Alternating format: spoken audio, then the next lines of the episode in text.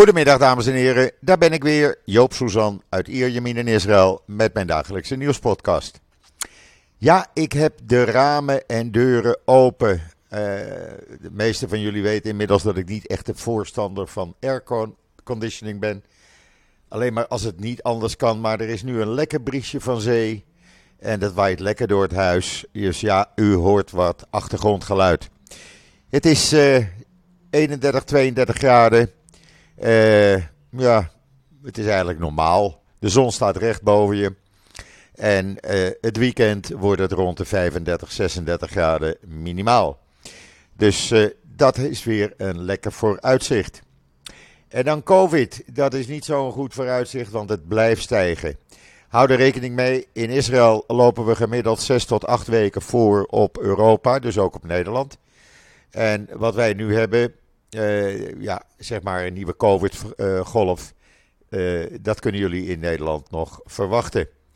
Er werden op dinsdag ruim 22.000 mensen getest, 22.306. Daar waren er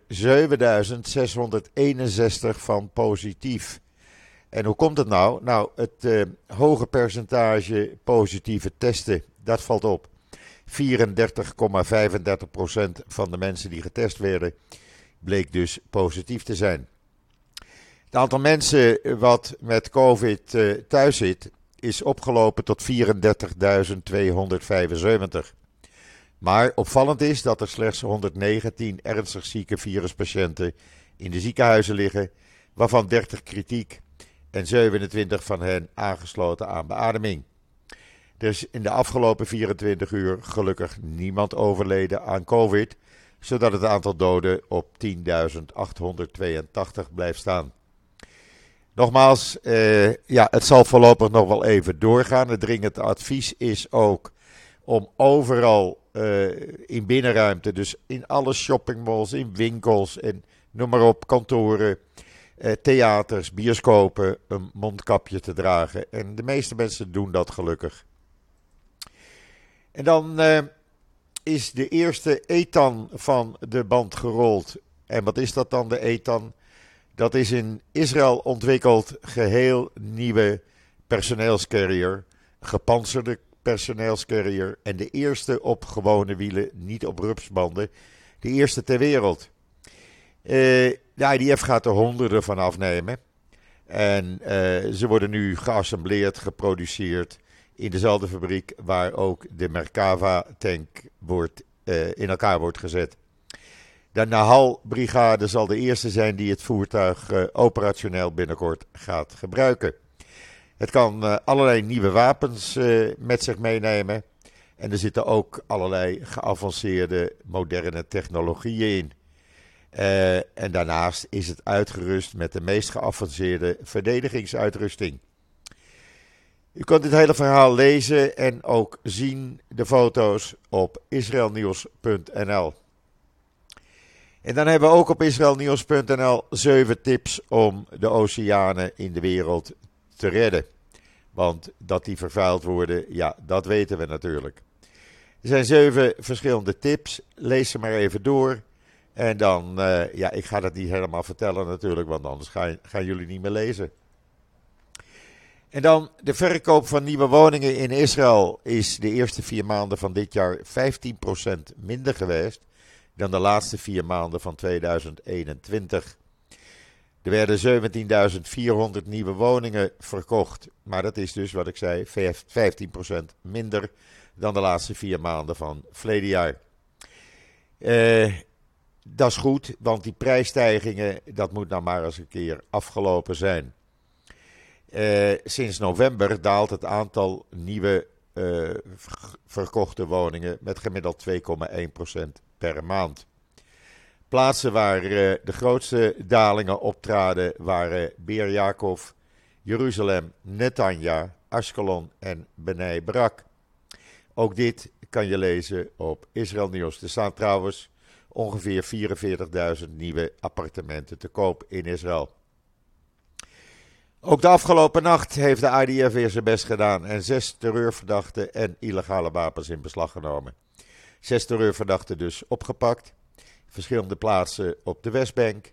En dat blijft men voorlopig doen. Men, men werkt gewoon het lijstje af. En dan heeft de IDF een uh, drietal soldaten bij de grens met Egypte opnieuw een drugsmokkel vereideld.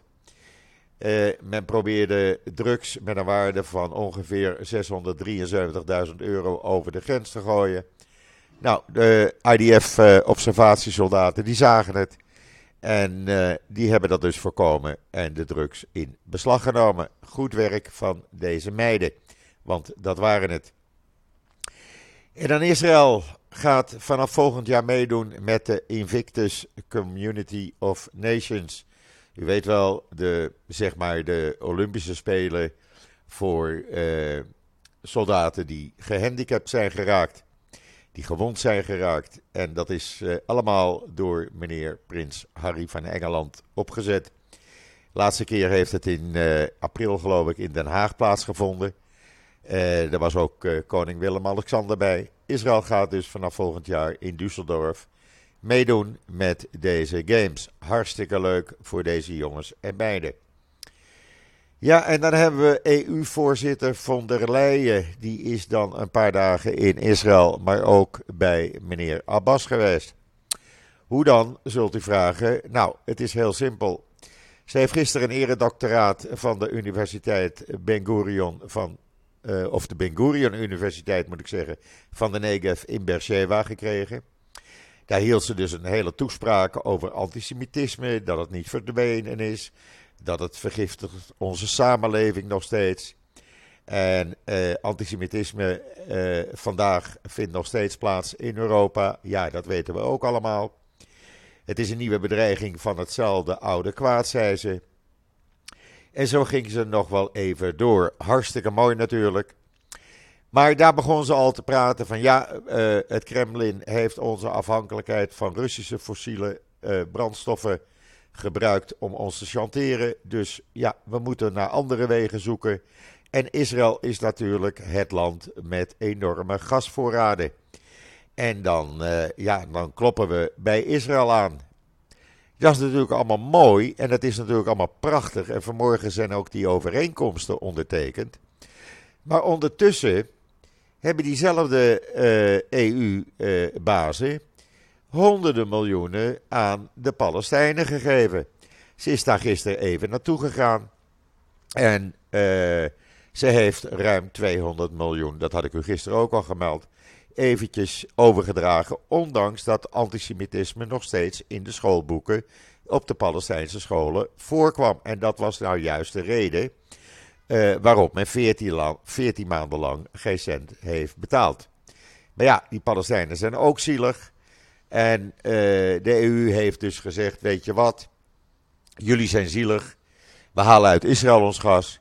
En jullie krijgen in totaal aan financiële steun tussen 2021 en 2024 1,1 miljard euro's. Ja, u hoort het goed.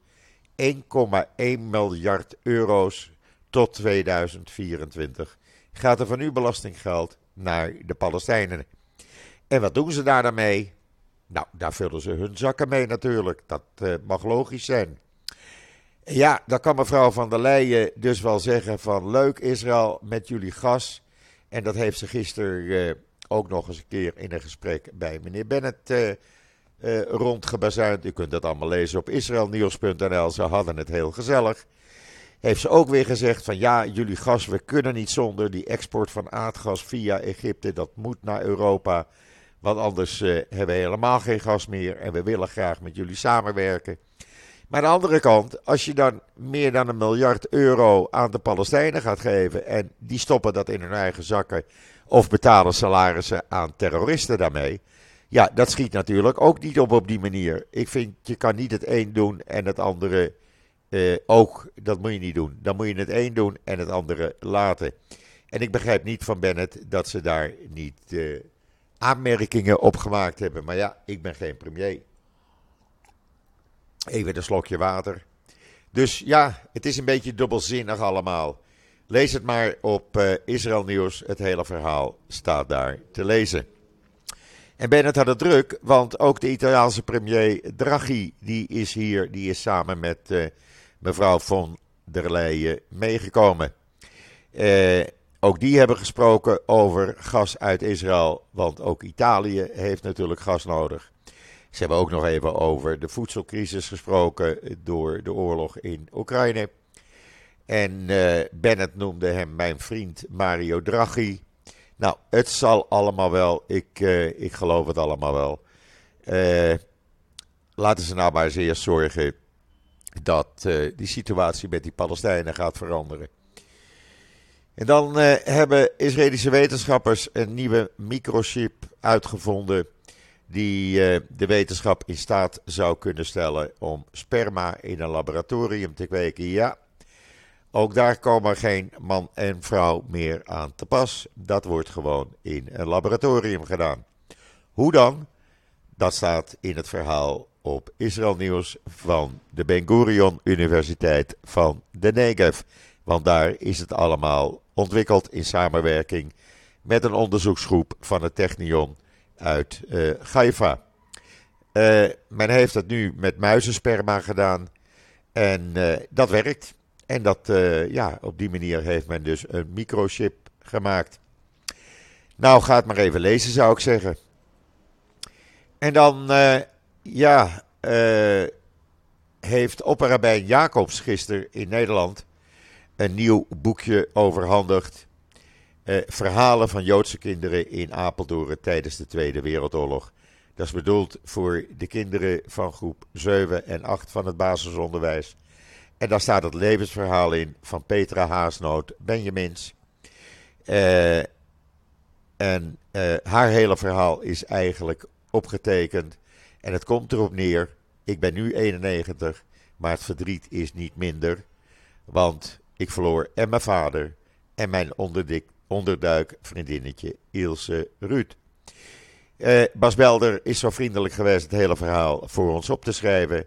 En u kunt het lezen in israelnieuws.nl. Ja, en dan Amerika, die zegt dat uh, uit uh, satellietbeelden blijkt dat Iran de spanning aan het opvoeren is, want die zou bezig zijn met voorbereidingen voor de lancering van een ruimteraket. Als dat zo is, dan kan dat wel eens een gevaarlijke start zijn, laat ik het maar zo zeggen. Want zo'n raket kan natuurlijk ook kernwapens met zich meevoeren. Het hele verhaal daarover staat in de Times of Israel en daar mag iedereen zich best zorgen over maken. Je ziet ook een foto die door die satelliet is gemaakt, waaruit blijkt dat een raket voorbereid wordt en klaar staat bij een lanceerplatform vind het een beetje bloedlink. Maar goed, we houden dat in de gaten. Ja, en dan is er gisteren, ik heb het al uh, op uh, Twitter gezet, maar lees het maar in het uh, Times of Israel. Gisteren is er een arts van een ziekenfonds aangevallen door iemand met een metalen buis. Die vrouw die heeft enorm zitten bloeden. heeft ook een gebroken hand opgelopen. En dat is de zoveelste keer dat medici uh, worden aangevallen en men pikt dat niet meer. En men gaat nu de komende twee dagen over op een staking. Dat wil zeggen alleen maar zaterdagdienst. Geen urgente, geen uh, normale afspraken meer. Alle ziekenfondsen doen daaraan mee. Alle klinieken doen daaraan mee. Het moet nou maar eens afgelopen zijn. En het wordt steeds erger. Ik weet niet wat mensen mankeert om medici aan te vallen. Dat doe je niet. Medici die zijn er om jou te helpen. En die ga je niet met een ijzeren staaf tot bloedens toe op hun hoofd slaan. Ja, en dan die politieke situatie in Israël. Ja, er is weinig veranderd. Het is nog steeds zo dat de kans bestaat dat in de komende dagen, de komende 10, 12 dagen, een einde is aan de regering Bennett-Lapid. Ondanks dat meneer Biden heeft gezegd dat hij 13 tot 15 juli richting Midden-Oosten komt en dus ook naar Israël. Uh, we weten niet of uh, Bennett dan nog premier is. Netanyahu die houdt er rekening mee dat uh, ja, hij heeft dan maar één kans. dat zouden de volgende verkiezingen zijn. Maar hij weet ook dat er geen verkiezingen kunnen worden gehouden. Want als er nu verkiezingen worden gehouden, ja, dan is er geen één groepering die een meerderheid krijgt. Het zal allemaal rond de 60 Knessetzetels eindigen voor iedere uh, groep. Of dat nou rechts of links of centrumrechts of centrumlinks. Het maakt niet uit. Iedere combinatie haalt geen meerderheid. Uh, het hangt dus van de overlopers af. Als er maar genoeg overlopers zijn uit de regering, de huidige regering, die zeggen van nou Netanyahu, geef mij een leuke baan, dan kom ik bij jou. Ja, dan zou het wel eens zo kunnen zijn dat Netanyahu uh, vanuit de Knesset een nieuwe regering kan opzetten. Of dat gaat gebeuren, het is Israël, je weet het maar nooit. Het uh, kan morgen weer anders zijn. Even voor diegenen die nog Internet Explorer gebruiken. Microsoft uh, heeft vanaf vandaag de stekker eruit getrokken. Dus je kan het nog wel gebruiken, maar je krijgt geen updates meer. En je moet dus naar de nieuwe Microsoft Edge browser. Ik zeg het maar even, omdat ik weet dat er nog mensen zijn die met uh, dat oude systeem werken. En dan uh, de organisatie die de Britse Joden vertegenwoordigt, heeft voorlopig haar banden met het Europees Joods Congres verbroken. En waarom? Omdat men bewijzen heeft dat de opperrabijn van Oekraïne, Jacob Dov Blijg, uh, ja, seksueel walgedrag zou hebben vertoond. Uh, ja, of dat nou allemaal klopt, men zegt het van wel. Het heeft ook al in de Haaretz gestaan. En uh, ja, waar rook is het vuur, zullen we maar zeggen. In ieder geval voorlopig even geen Engelse Joden in de overkoepelende Joodse organisatie voor Europa. En dan, ja, apartheid zegt men altijd, hè. Nou, kijk eerst even op die foto die ik geplaatst heb op uh, Twitter. Ik zal hem straks ook even op Facebook zetten en op Instagram. Daar zie je een moslim-militair samen met een orthodoxe Joodse IDF-soldaat samen bidden. De een met zijn kleedje, kleedje, de ander met zijn talit om. En een ander voorbeeld: Israël heeft 20.000 extra werkvergunningen aan Palestijnen vanaf de westelijke Jordaanhoever gegeven. Dat betekent dat er uh, nu dus uh, eh, 120.000 Palestijnen officieel een werkvergunning hebben om in Israël te werken. De meeste in de bouw en in uh, infrastructuurconstructie. er zijn minder aanslagen. Nou, dan doet Israël wel terug. En het is goed, want die mensen verdienen allemaal een goed inkomen. Veel meer dan dat ze ooit onder de Palestijnse leiding zouden kunnen krijgen.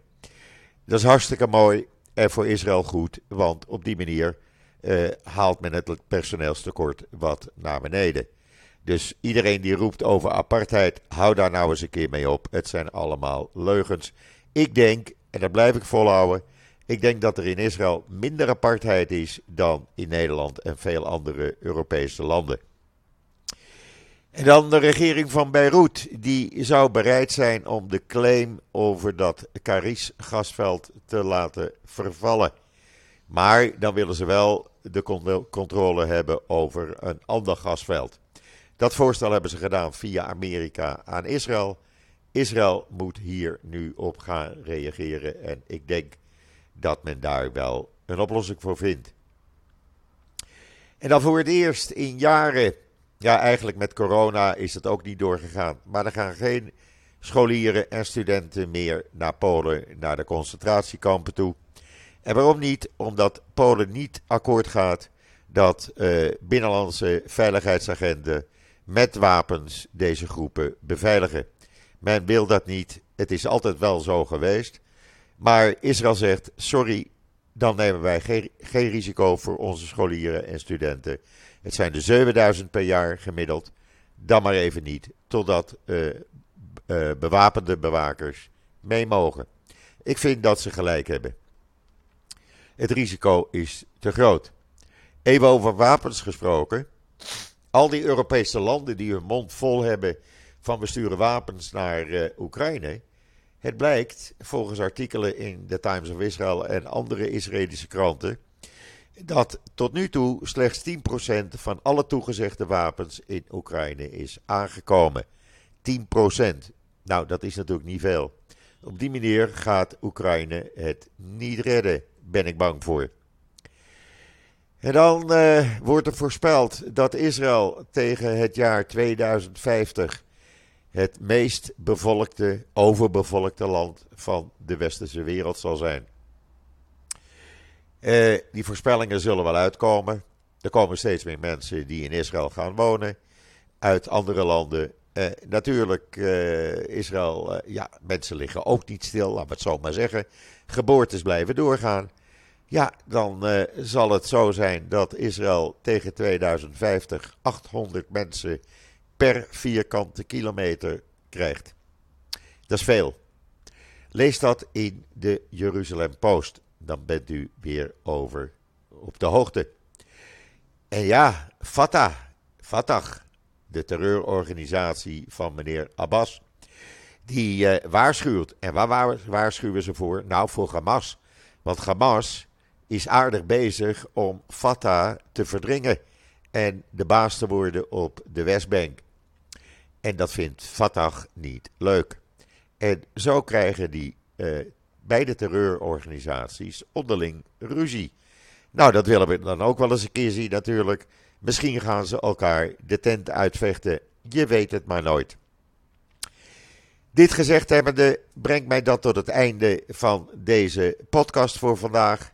Het was weer al het nieuws. Ik denk dat uh, er weer genoeg te lezen en te bekijken is.